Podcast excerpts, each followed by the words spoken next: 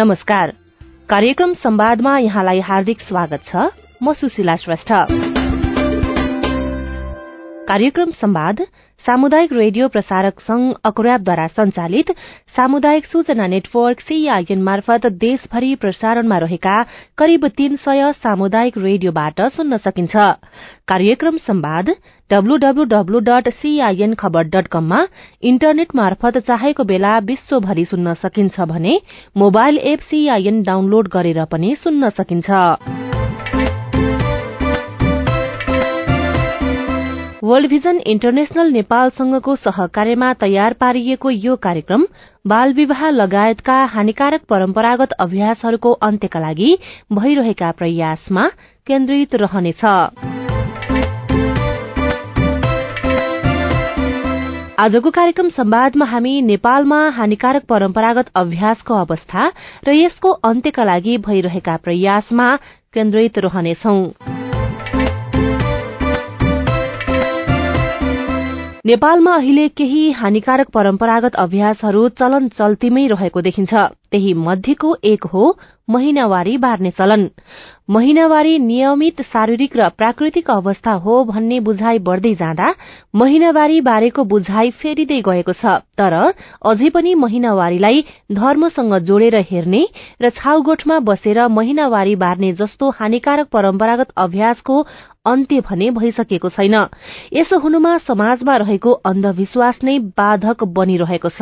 पाप लाग्ने भन्दै महिनावारी भएका बेला असुरक्षित गोठ र छाप्रामा बस्न पठाउने चलन पुरै हटिन सके पनि घट्दै गएको छ। आजभोलि महिनावारी भएका बेला घरमै बस्न पाउन थालिएको डडेलधुराको नवदुर्गा गाउँपालिका एक कोटेलीका भावना जोशी बताउनुहुन्छ। पहिला यता छुनु हुँदैन उता छुनु हुँदैन के गर्न मिल्दैन पानी छुन पाइँदैन अनि मन्दिरको ठाउँहरूमा पनि जान पाइँदैन भन्थे।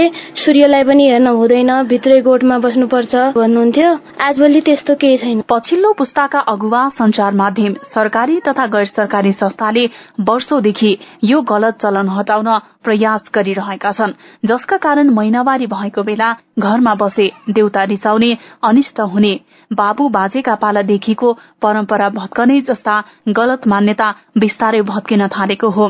डडेलधुराको भागेश्वर गाउँपालिका चारका विष्णा सुनार घर घरमा महिनावारी बारेको वास्तविक बुझाइ बढेसँगै महिनावारी बार्ने तरिका फेरिँदै गएको बताउनुहुन्छ। पहिले पानीका पाइपहरू छुन दिने थिए। घरमा अलग्गै बिस्तारा लगाएर सुत्नु पर्थ्यो। आजकाल त्यस्तो छैन। आजकाल सबै मानिसहरूलाई छुन दिन्छन् पहिले छुन दिने थिएन आफूले सधैँ सरसफाइमा ध्यान दिनुपर्छ। महिनावारी बारेको बुझाइ बदलिँदै गए पनि ग्रामीण भेगमा अझै महिनावारी बार्ने क्रम भने कायमै छ। पहिला गाई वस्तुको गोठमा बस्नु पर्थ्यो भने हिजो आज घरको एक कोठामा महिनावारी बार्न थालिएको छ। तर अझै पनि महिनावारी भएकाले छोएको नखाने दूध दही खान नदिने चलन कायमै छ। तर विगतको कष्टकर जीवनको तुलनामा केही सजिलो भने भएको अमरगढ़ी नगरपालिका दुईका माधुरी साउदको अनुभव छ। विद्यालय नजाऊ भित्रै लुक्नु पर्ने अवस्था हुन्थ्यो। अब हामीले सुनेको अब आजकल स्कुल जान्छौ अनि स्कुलमा पनि व्यवस्था छ। प्याडहरूको व्यवस्था छ सजिलो छ। महिनावारीका बेला छाउगोठमा बस्नु पर्दा बलात्कृत हुनुपर्ने जंगली जनावरको आक्रमणमा पर्ने मात्र होइन ज्यानै जानेसम्मका घटना हुने गरेका छन्। विश्व एक्काइसौं शताब्दीमा पुग्दा पनि महिला माथिको यो विभेद अझै हट्न नसक्नु समाजकै लागि लज्जाको विषय हो। यो अवस्था अन्त्य गर्न वनमा बनेका छाउगोठका साथै मान्छेका मनमा बनेका छाउगोठ पनि भत्कन जरूरी छ। Bhawana Paudel CIN radio Amargadhi Dadeldhura. महिनावारीलाई धर्मसँग जोडेर हेर्ने चलन केही कम भए पनि नेपालका धेरै ठाउँमा महिनावारी बार्ने चलन कायमै रहेको छ। तर महिलाको एक शारीरिक चक्र भएकाले महिनावारीलाई बार्ने नभई उत्सवको रूपमा मनाउनेहरू पनि बढ़न थालेका छन्। काठमाडौँको बुढा नीलकण्ठका कृपा राणा तेह्र वर्षको हुँदा पहिलो पटक महिनावारी हुनुभयो। उहाँले त्यस यताका कुनै पनि महिनावारी बार्नु भएको छैन। पिरियड्स भएकै थाहा थिएन है अनि पछि थाहा भयो अनि त्यो पनि त्यस्तो बार्ने हुन्छ नि। त्यस्तो चाहिँ कहिले गरेन। बाबाले नि त्यस्तो बार्नु पर्दैन के अरे आफूले सक्ने गर्ने हो। अभियन्ता डाक्टर नम्रता पाण्डेले आफू सानो हुँदा महिनावारीकै कारण धेरै दुःख पाउनु पर्यो। छ सात वर्षकै उमेरमा उहाँले आमाको मासिक चक्र चलेको बेला पढ़ाईदेखि घरधन्दा सबै भ्याउनु पर्थ्यो। म क्लासमा जान्थेँ तर बेलुका गएर फेरि मैले नै खाना बनाउनु पर्छ मेरो बुवालाई मेरो छ वर्षको छोरीलाई सहयोग गर्नुपर्छ ज्ञान थिएन। एक नियमित र शारीरिक प्रक्रिया हो भन्ने बुझेपछि उहाँले महिनावारी भएको कुरा कसैलाई भन्नु भएन। तर परिवारलाई यो सामान्य कुरा हो भन्ने बुझाउन लामो समय लाग्यो। आफ्नी छोरी पहिलो पटक महिनावारी हुँदा उत्सवको रूपमा मनाएको डाक्टर पाण्डे सम्झनुहुन्छ। एउटा छोरी महिनावारी भएपछि नै उसले सन्तान दिन सक्ने हुन्छ सृष्टिको सृजना हुन्छ। त्यो शिक्षा मैले पाएको भए म कति सेलिब्रेसन गर्थेँ होला त्यति बेला।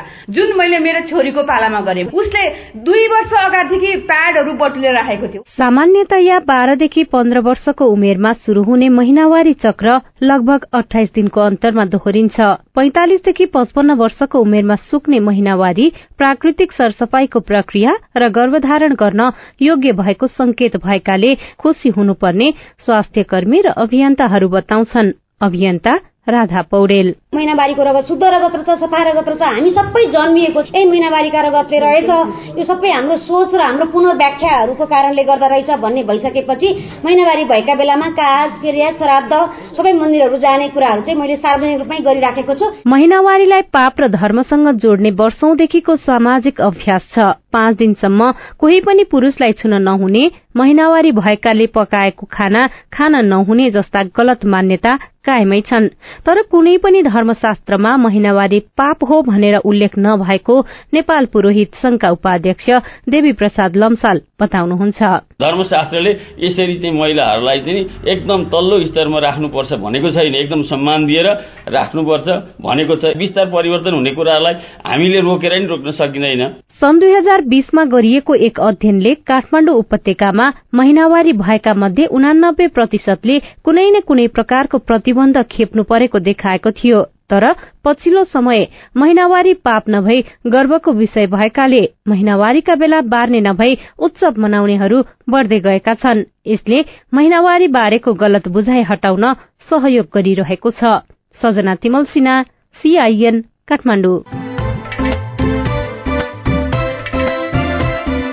नेपालमा लैंगिक हिंसा विरूद्धको सोह्र दिने अभियान मनाउन थालिएको बत्तीस वर्ष पूरा भइसकेको छ तर अझै पनि हिंसाको अन्त्य हुन सकेको छैन। नेपाल सरकारको पन्ध्रौं योजनाले आगामी दुई वर्षमा लैंगिक हिंसा पाँच प्रतिशतमा झार्ने लक्ष्य लिएको छ। तर एक अध्ययनले न्याय नपाइने जोखिमले अझै पनि नेपालमा छैसठी प्रतिशत महिला हिंसा सहेर बस्ने देखाएको छ। घरेलु हिंसामा परेको छु भनेर थाहा नपाउने महिलाको संख्या पनि उत्तिकै रहेको छ। लैंगिक हिंसामा परेका मध्ये बाइस प्रतिशत महिला मात्रै न्यायको लड़ाई लड्छन्। लैंगिक हिंसा विरूद्धको लड़ाई कति चुनौतीपूर्ण छ। सधैँ जसो भइरहने हातपात विरूद्ध नबोलेकै कारण श्रीमानले एक दिन शरीरमै आगो लगाइदिए। दिनरात हिंसा गर्ने श्रीमान विरूद्ध न्यायको लड़ाई लड्दा श्रीमानपट्टिको परिवारबाट अपमानित पनि हुनु पर्यो उसको घर परिवार चाहिँ मलाई के भन्थ्यो अब मेरो छोरालाई जेल हाल्यो यताउता भन्थ्यो। अब आफ्नो छोराको गल्ती है। पीड़ितलाई न्याय दिलाउन सहयोग गर्नेहरूले पनि विभिन्न किसिमको चुनौती भोग्नुपर्छ। सबै जिल्लामा हिंसा पीड़ितलाई राख्ने व्यवस्था छैन। दैलेखको सामाजिक सेवा केन्द्र नेपालले सञ्चालन गरेको महिला र बालबालिका सेवा केन्द्रमा सयौं पीड़ितलाई राखेर न्यायका लागि सहजीकरण गरिदिएको छ। त्यसक्रममा आइपरेका चुनौतीबारे केन्द्रका इन्चार्ज रमा श्रेष्ठ भन्नुहुन्छ। संस्थाले लिड गर्यो संस्थाले उल्काएर घरबार बिगार्यो व्यक्तिले उल्कायो भनेर यस्ता खालका आरोपहरू आउने गरेका छन् र जसले गर्दाखेरि महिला हिंसा चाहिँ अझै प्रत्यारोपमा बदलिने भएको छ। लैंगिक हिंसामा परेकालाई लक्षित गर्दै देशभर चौरानब्बे अस्पतालमा एकद्वार संकट व्यवस्थापन केन्द्र ओसीएमसी स्थापना गरिएका छन्। त्यसमध्ये साठी ओसीएमसीले एघार हजार पीड़ितलाई सहजीकरण गरेको छ। त्यहाँ पुग्ने पीड़ितलाई स्वास्थ्य उपचार पीड़ितको अवस्था झल्काउने मेडिकल रिपोर्ट मनोपरामर्श लगायतका सेवा उपलब्ध गराइन्छ। सोक्रममा हुने कतिपय घटना चिकित्सकका लागि पनि चुनौतीपूर्ण हुन्छन्। ओसीएमसी जुम्लाका संयोजक डाक्टर अरविन्द साक्य। रेपको भिक्टिम्सहरू चाहिँ कहिले हामीले जाँच गर्दाखेरि चाहिँ पुलिस केस गर्न मान्नुहुन्न कि रिपोर्टै बनाउँदाखेरि पनि हाम्रो रिपोर्टमा अगाडिको घटना हो भने चाहिँ जाँच गर्दाखेरि चाहिँ केही पनि चोटपटकहरू नदेखेको भनेर हाम्रो रिपोर्टमा आउँछ। केही पनि नदेखेको भनेर रिपोर्टमा आउनेलाई चाहिँ रेप नै भएको होइन भन्ने जस्तो एउटा मिसअन्डरस्ट्यान्डिङ हुन्छ। त्यो पनि एउटा चुनौती नै हो। महिला पुनर्स्थापना केन्द्रमा गत वर्ष एक हजार आठ सय भन्दा बढ़ी अनि नेपाल प्रहरीमा तीन हजार आठ सय लैंगिक हिंसाको उजुरी दर्ता भएका छन्। कतिपय जिल्लामा हिंसामा परेकाहरूलाई मनोपरामर्श सेवा उपलब्ध गराइन्छ।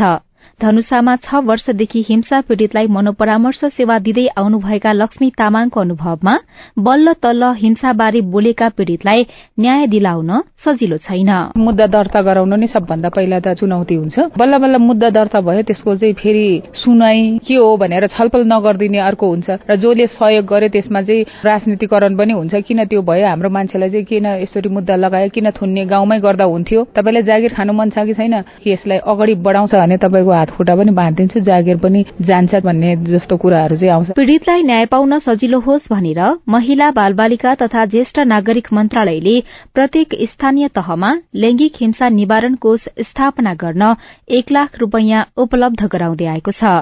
लैंगिक हिंसा निवारण शाखा प्रमुख ममता विष्ट न्याय सहज पाउन नसकेको अवस्था पनि छ। जसमा चाहिँ अब मन्त्रालय सहजीकरण गरिरहेको छ। त्यस्तै कुनै समस्या भएकोलाई चाहिँ हामीले कहाँसम्म उसलाई सहयोग गर्ने। प्रदेश मन्त्रालय स्थानीय तहसँग लिङ्क गरिदिने र समन्वयात्मक कार्यको काम पनि मन्त्रालय गर्दै आएको छ। नेपाल प्रहरीका अनुसार लैंगिक हिंसाका उजुरी मध्ये पचास प्रतिशत दोहोरिएर आएका घटनाहरू हुन्छन्। न्यायका लागि संघर्षरत अधिकांश हिंसा पीड़ित परिवारबाटै बहिष्कृत भइरहेका छन्।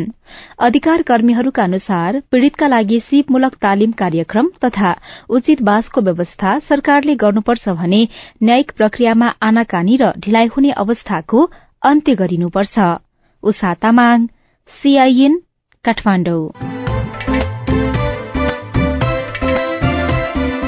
मानवाधिकारको सम्मान संरक्षण र सम्वर्धन तथा त्यसको प्रभावकारी कार्यान्वयनलाई सुनिश्चित गर्नु राष्ट्रिय मानव अधिकार आयोगको कर्तव्य हुनेछ भनी संविधानमा उल्लेख गरिएको छ। मानवाधिकारको सम्वर्धन र संरक्षण गर्नु राज्यको प्राथमिक दायित्व मानिन्छ। राज्यले यस दायित्व सन्तोषजनक रूपमा निर्वाह नगरेको अवस्थामा आयोगले संविधान र ऐनमा उल्लेखित कार्यदेशभित्र रही राज्यलाई सजग र उत्तरदायी बनाउन प्रयत्नशील रही आयोगबाट मानवाधिकार संरक्षण सम्वर्धन मानवाधिकार मैत्री कानून लगायतका कार्यमा केन्द्रित हुँदै आएको छ।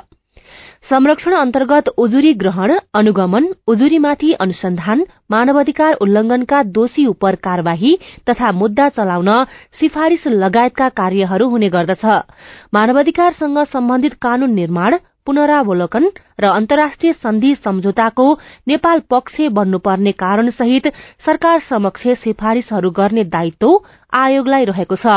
तर पीड़ितहरूको भने धेरै गुनासो आयोगसँग छ। न्यायमा सरल पहुँच पुगेको छैन भने ढिलासुस्ती समेत हुने गरेको पीड़ितको गुनासो छ। हामीले यस विषयमा आयोगका मानवाधिकार कर्मी कल्पना नेपाललाई सोधेका छौं। मानव अधिकारमा आयोगमा आउने उजुरी एकदमै कम हुन्छ। मानव अधिकार आयोगसम्म उजुरी दिन आउने त्यो वर्ग छ त्यो लेभल छ उसले थाहा नै पाउँदैन। विभिन्न सङ्घ संस्थाहरू मार्फत पनि हामीकोमा उजुरी आउँछ कि लास्टमा जस्तै प्रहरीले उजुरी लिन मानेन मुद्दा जुन दर्ता गर्नै मानेन होइन सुनवाई नै भएन। तर अहिले त हाम्रो गभर्मेन्टको मेकानिजम अनुसार गाउँपालिका छ नगरपालिका छ त्यसमा सामाजिक शाखा न्यायिक समिति छ होइन प्रहरीहरू छन्। त्यो त्यो ठाउँमा उजुरी दिन उहाँहरू पुग्ने हो। उहाँसँग पुगेर पनि लिएन भनेपछि अनि बल्ल लास्टमा आयोगमा पनि हुन्छ है भनेर आउने हो। तर आयोगले कतिपय उजुरीहरू सोमोटोको आधारमा पनि घटना हाम्रो मिडियामा आएका घटनाहरूलाई हेरेर उठाउने गर्छ र त्यसमाथि चाहिँ उजुरीको प्रोसेस चाल्छ सोमोटो उजुरी दर्ता गरेर। अनि त्यसपछि के कसो हो भनेर भएको हो जवाफ पाऊ भनेर सम्बन्धित निकायलाई तुरुन्तै पत्राचार गर्छ। अनि त्यसपछि फिल्डमा त्यो केस हेरिकन फिल्डमा गएर अध्ययन अनुसन्धान अनुगमन गरेर प्रतिवेदन पेश गर्छ र त्यो फ्याक्टका आधारमा चाहिँ जुन हाम्रो जुन प्रोसेस हो उजुरीको त्यो प्रोसेस अनुसार चाहिँ गभर्मेन्टलाई सिफारिस गर्ने मानव अधिकार उल्लङ्घनको विषयमा गभर्मेन्टलाई सिफारिस गर्ने काम हुँदै आइरहेको छ। एउटा च्यालेन्ज के देखेका छौँ भने हामी काम गरेको दौरानमा चाहिँ चाहिँ कतिपय उजुरीहरू आउनै पाउँदैन जस्तै गाउँमै मिलापत्र गरिदिने गाउँको समूह हुने रहेछ क्या त्यो? पहिल्यैदेखि आएको त्यो समूह जस्तै तराईक बेलको अथवा एकदम दूरदराजको बेलको भित्रै मिलापत्र गराउने बाहिर चाहिँ ल्याउनै नदिने। बाहिरसम्म ल्याउनै नदिने र जो पीडक छ पीडकलाई पनि प्रोटेक्ट गर्ने के? होइन यसलाई डिसमिस पार्नुपर्छ बाहिर होइन मिलाउनुपर्छ भनेर आउनै नदिने पनि एउटा मेन च्यालेन्ज जो छ। अनि अर्को कुरा चाहिँ दोस्रो कुरा चाहिँ हाम्रो अवेरनेस नै छैन। त्यो पनि हाम्रो एउटा समस्या साथै चुनौती पनि हो राज्यको। किनभने मेरो लागि मेरो प्रोटेक्सन मेरो अधिकारको संरक्षण गर्नको लागि विभिन्न सङ्घ संस्थाहरू छन् नीति नियमहरू छ राष्ट्रिय अन्तर्राष्ट्रिय मेकानिजमदेखि लिएर सबै कानुनहरू बनेका छन्। मैले न्याय पाउँछु है भन्ने कुरा थाहा दिन पनि थाहा पाउन नपाउनु त्यो एउटा एउटा च्यालेन्ज भयो। अर्को जति पनि सङ्घ संस्थाहरू छन् त्यो आवाज बिनको आवाजलाई त्यहाँसम्म पुर्याइदिने काम उहाँहरूले पनि अलिक कम गर्नुभयो कि अलिकता सहर केन्द्रित भइयो कि जस्तै खोज मिडियाकै कुरा अब यही हाम्रो खोज मिडिया पनि त्यहाँसम्म पुगेर रिसर्च बेसमा यसरी आए हुन्थ्यो उजागर गर्दै हुन्थ्यो भन्ने पनि लाग्छ। सबै कुराहरू नै जोडिन्छ। विशेष त हाम्रो अब धर्म संस्कार संस्कृति पेट्रियाटिक सोसाइटी धेरै मुस्लिन्छ होइन? धेरै आउँछ यसमा पुरुष प्रधान समाजको मूल्य मान्यताहरू। त्यसले गर्दा पनि महिलाहरूले अथवा जति पनि घरेलु हिंसाहरू छन् ती बाहिर चाहिँ ल्याउन चाहिँ सक्दैन। तपाई अहिले साप्ताहिक रेडियो कार्यक्रम संवाद सुनिरहनु भएको छ। वर्ल्ड भिजन इन्टरनेशनल नेपालसँगको सहकार्यमा सीआईएनले तयार पारेको यो कार्यक्रम बाल विवाह लगायतका हानिकारक परम्परागत अभ्यासहरूको अन्त्यका लागि भइरहेका प्रयासमा केन्द्रित रहेको छ। नेपालको संविधानले हरेक नागरिकले भेदभाव रहित जीवन यापन गर्न पाउने व्यवस्था गरेको छ भने सभ्य समाजको निर्माणका लागि भनेर तीनै तहका सरकारले कार्यक्रम समेत चलाइरहेको बताउँछन्। तर महिला र पुरूष बीचको विभेद नहटेको बारेमा बहस बेला मौकामा हुने गरे पनि एकल महिला वृद्धा तथा दलित समुदायका महिला विभेद र लान्छना मुक्त हुन भने सकेका छैनन्। काभ्रेको मनरन देवपुर नगरपालिका आठका गीता विश्वकर्माले सोह्र वर्षमा विवाह गर्नुभयो। तर घर परिवारका सदस्यले अंश नदिने हेला गर्ने लगायतका पारिवारिक हिंसा भइरहेको उहाँको भनाइ छ। आफ्नै घरमा देवरले त्यसरी तिनटा बच्चा माथि सौता ल्याउनु भयो अनि त्यो मैले रोक्न खोजेँ। म आफू पीडा छु मैले सौतिनी आमाको व्यवहार थाहा पाएको छु यो हुन दिन्न भन्दा अनि मसँग परिवारहरू सबैले मलाई नराम्रो भनेर अहिलेसम्म नि उहाँहरूले मलाई राम्रो गर्नुहुन्न। पाँचखाल नगरपालिका दुईका भवानी खत्रीका श्रीमानको विवाह भएको पन्ध्र वर्षमा मृत्यु भयो।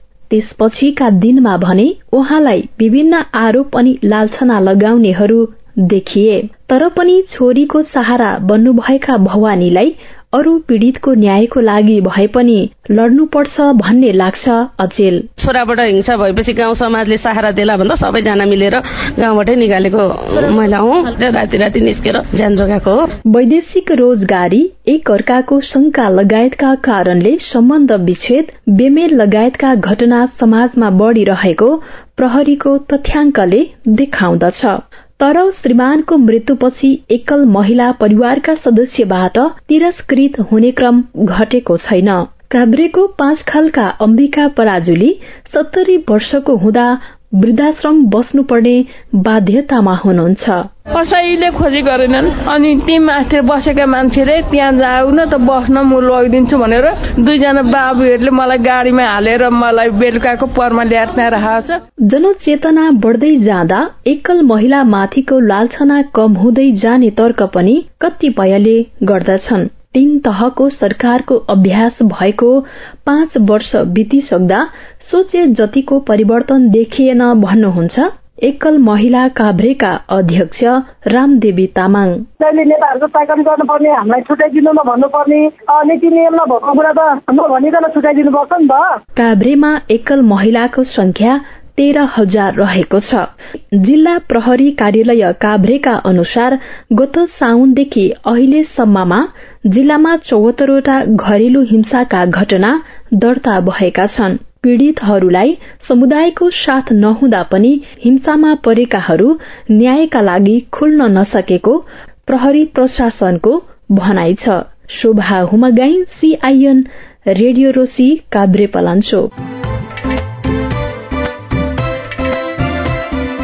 स्थानीय तहको पहिलो कार्यकाल पूरा हुँदा अधिकांश उपप्रमुखले न्याय सम्पादन र अधिकार कार्यान्वयनको विषयमा गुनासो गरेका थिए। स्थानीय सरकार संचालन ऐन दुई हजार चौरात्तरले उपप्रमुखलाई न्यायिक समिति संयोजकको जिम्मेवारी दिएको छ। दोस्रो कार्यकालको छ महिना पूरा गरेका न्यायिक समिति प्रमुखको अनुभव उत्साहजनक छैन। उनीहरू समेत विभेदको शिकार भइरहेको बताउँछन्। गैर सरकारी संघ संस्थाका क्रियाकलापमा समन्वय गर्ने उपभोक्ता हित संरक्षण सम्बन्धी कामको समन्वय योजना तथा कार्यक्रमको अनुगमन तथा सुपरिवेक्षण गर्ने लगायतका आठवटा अधिकार उपप्रमुख वा उपाध्यक्षलाई छ। त्यसैमा पर्छ न्यायिक समितिको नेतृत्व र न्याय निरूपण। तर काम गर्न चुनौतीपूर्ण छ भन्नुहुन्छ नुवाकोटको दुप्चेश्वर गाउँपालिका उपप्रमुख माकुरी तामाङ। जनताले पठाए पठाउँदै गर्दाखेरि हामी कानून विषयमा सबै पढे लेखेर त्यसरी पढेर गएको हुँदैन होइन? हामीलाई अब त्यो हिसाबले अब हामी सबै कुरामा जान्ने पोख्त त छैन हामी। हामी चाहिँ अब कानुनको हिसाबमा न्यायको हिसाबमा चाहिँ एकदम विज्ञ नै भएको भए हामीलाई सहायताको लागि सजिलो हुन्थ्यो र हामी आफू पनि त्यस विषयमा अलिकति पोख्त भएको भए अझ राम्रो हुन्थ्यो भन्ने चाहिँ लाग्छ। बर्दियाको बढ़ैया ताल गाउँपालिकाका उपप्रमुख लक्ष्मी कुमारी अधिकारी निर्वाचित हुनु अघि सामाजिक परिचालिका हुनुहुन्थ्यो। त्यस्ताका बटुलेको अनुभवले अहिले न्याय सम्पादनमा सजिलो भएको उहाँको अनुभव छ। कानूनमा त विज्ञ हुनै पर्छ किनकि त्यसको समय अवधि होइन अब त्यसलाई चाहिँ छुनु भनौँ न दुवैलाई चाहिँ जितै जितको अवस्थामा लैजाँदा मलाई चाहिँ अलिकति चाहिँ हिजो दुई हजार त्रिसठी चौसठीमा मेलमिलापकर्ता भएर काम गरेको थिएँ र त्यो र त्यो चाहिँ अलिक मेलखानी भएर चाहिँ मलाई अलिकति सहज भएर काम गरिरहेको सामान्य खालका मुद्दा मामिला जग्गा जमिन अंशबण्ड साँच सिमाना विवाद जस्ता मुद्दामा मेलमिलाप गराउने अधिकार न्यायिक समितिलाई छ। नजिकको न्यायालयका रूपमा न्यायिक समिति स्थापित हुँदै जाँदा अधिकार भन्दा बाहिरका विवाद पनि आउने गरेको बताउँदै रामेछापको लिखु तामाकोशी गाउँपालिकाका उपप्रमुख दिपा पाखरिन। न्यायिक समितिको कार्यक्षेत्र के हो र त्यसबाट हुन सक्ने कार्य कानूनी सम्पादन के हो भन्ने कुरा कानूनी सचेतनाको अभावले पनि हुन सक्छ। जनप्रतिनिधि भइसकेपछि हाम्रो समाधान हाम्रो विवाद तपाईँले मिलाउने भनेर हाम्रो कार्यक्षेत्रभन्दा बाहिरका विवादहरू पनि हाम्रोमा आएको छ। त्यसै हुनाले यसमा चुनौती पनि रहेको छ। निर्वाचन आयोगका अनुसार सात सय त्रिपन्न मध्ये पाँच सय अडसठी पालिकामा उपप्रमुख महिला छन्। न्याय सम्पादनमा अनुभवसँगै सेवाग्राहीलाई सन्तुष्ट पार्न सकिए पनि अधिकार उपयोग गर्न नपाएको कतिपयको गुनासो छ। दैलेखको डुङ्गेश्वर गाउँपालिकाका उपप्रमुख कलावती नै उपाने। बढी गाउँघरमा घरेलु हिंसा पनि आउँछ तर त्यो घरेलु हिंसा आइसकेपछि अब घरेलु हिंसाको अवस्था र उसको प्रवृत्ति हेरेर नै गर्ने भन्छ। अब सधैँ घरेलु हिंसाभित्र भइराखेका हुन्छ तर त्यसलाई हामीले निराकरण गर्ने क्षेत्र एकदम कम दियो कि दिएन कि। अब अधिकार दिएन अधिकार हुन त हामीलाई विश्वास अब यतिसम्म सान सान कुलो सुलो यति नै यिनीहरूको छेर त हो कि यिनीहरूको दिमाग यहीँसम्म हो कि भन्ने सोचेर दिया हो कि अथवा अब यो एउटा ठिक छ उपाध्यक्षले यति गरेपछि न्याय भइहाल्छ भनेर दिया हो कि तर यो सन्तोषजनक छैन। एकातिर सीमित स्रोत साधन र अर्कोतिर ऐनले नै काम गर्न रोकेको न्यायिक समिति प्रमुखको दावी छ। तर राजनैतिक पृष्ठभूमिबाट आएका जनप्रतिनिधिमा अझै धेरै निष्पक्षता आवश्यक रहेको भन्नेहरू पनि छन्। अविनाश आचार्य सीआईएन काठमाडौँ। कार्यक्रममा अब भने सन्देशमूलक गीत सुनौ। नमस्ते म जुम्लाबाट मानबहादुर कुँवर जातीय भेदभाव र छुवाछुत अन्त्य गरौं सभ्य समाजको निर्माण गरौं। बाँकी मेरो ठाडी भाकाबाट। दमाई दाइले सिलाए लुगा मिलाउँछौ त्यही सिपको सम्मान गरौं सभ्य समाज पाउँछौ। त्यही सिपको सम्मान गरौँ सभ्य समाज पाउँछौ। ठुलो सानो जात हुँदैन मनको ठुलो बनौ हानिकारक अभ्यास त्यागौ सबैलाई भनौ हानिकारक अभ्यास त्यागौ सबैलाई यही भनौ। सबको रगत रातो हुन्छ विभेद नगरौँ जातीय भेदभाव हटाउन सबै अघि सरौँ जातीय विभेद हटाउन सबै अघि सरौँ जातीय छुवाछुत गरे दण्ड भोग्नु पर्छ। भेदभाव रहित समाजले सबको कल्याण गर्छ। भेदभाव रहित समाजले सबको कल्याण गर्छ। हुन्छ त तपाईँको समाजमा जातीय भेदभाव र छुवाछुत छ भने यसो नगर्न भन्नुहोला सम्झाउनुहोला सुझाउनुहोला। म पनि मेरो समाजलाई सभ्य बनाउन मनदेखि नै लाग्नेछु। धन्यवाद। यो गीतसँगै कार्यक्रम सम्वादको निर्धारित समय सकिने लागेको छ। आजको विषयवस्तु तपाईँलाई कस्तो लाग्यो? बाल विवाह लगायत हानिकारक परम्परागत अभ्यासहरूको अन्त्यका लागि तपाईँको केही अनुभव पो छन् कि?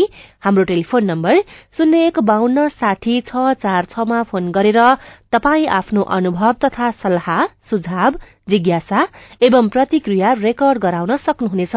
साथै तपाईले हामीलाई हाम्रो Facebook page community information network सीआईएनमा गएर पनि आफ्ना कुरा लेख्न सक्नुहुनेछ। हामी तपाईको प्रतिक्रिया पर्खिरहनेछौ। वर्ल्ड भिजन इन्टरनेशनल नेपालसँगको सहकार्यमा सीआईएनले तयार पारेको कार्यक्रम सम्वादबाट प्राविधिक साथी सुरेन्द्र सिंहसँगै म सुशीला श्रेष्ठ पनि विदा हुन्छु। नमस्कार।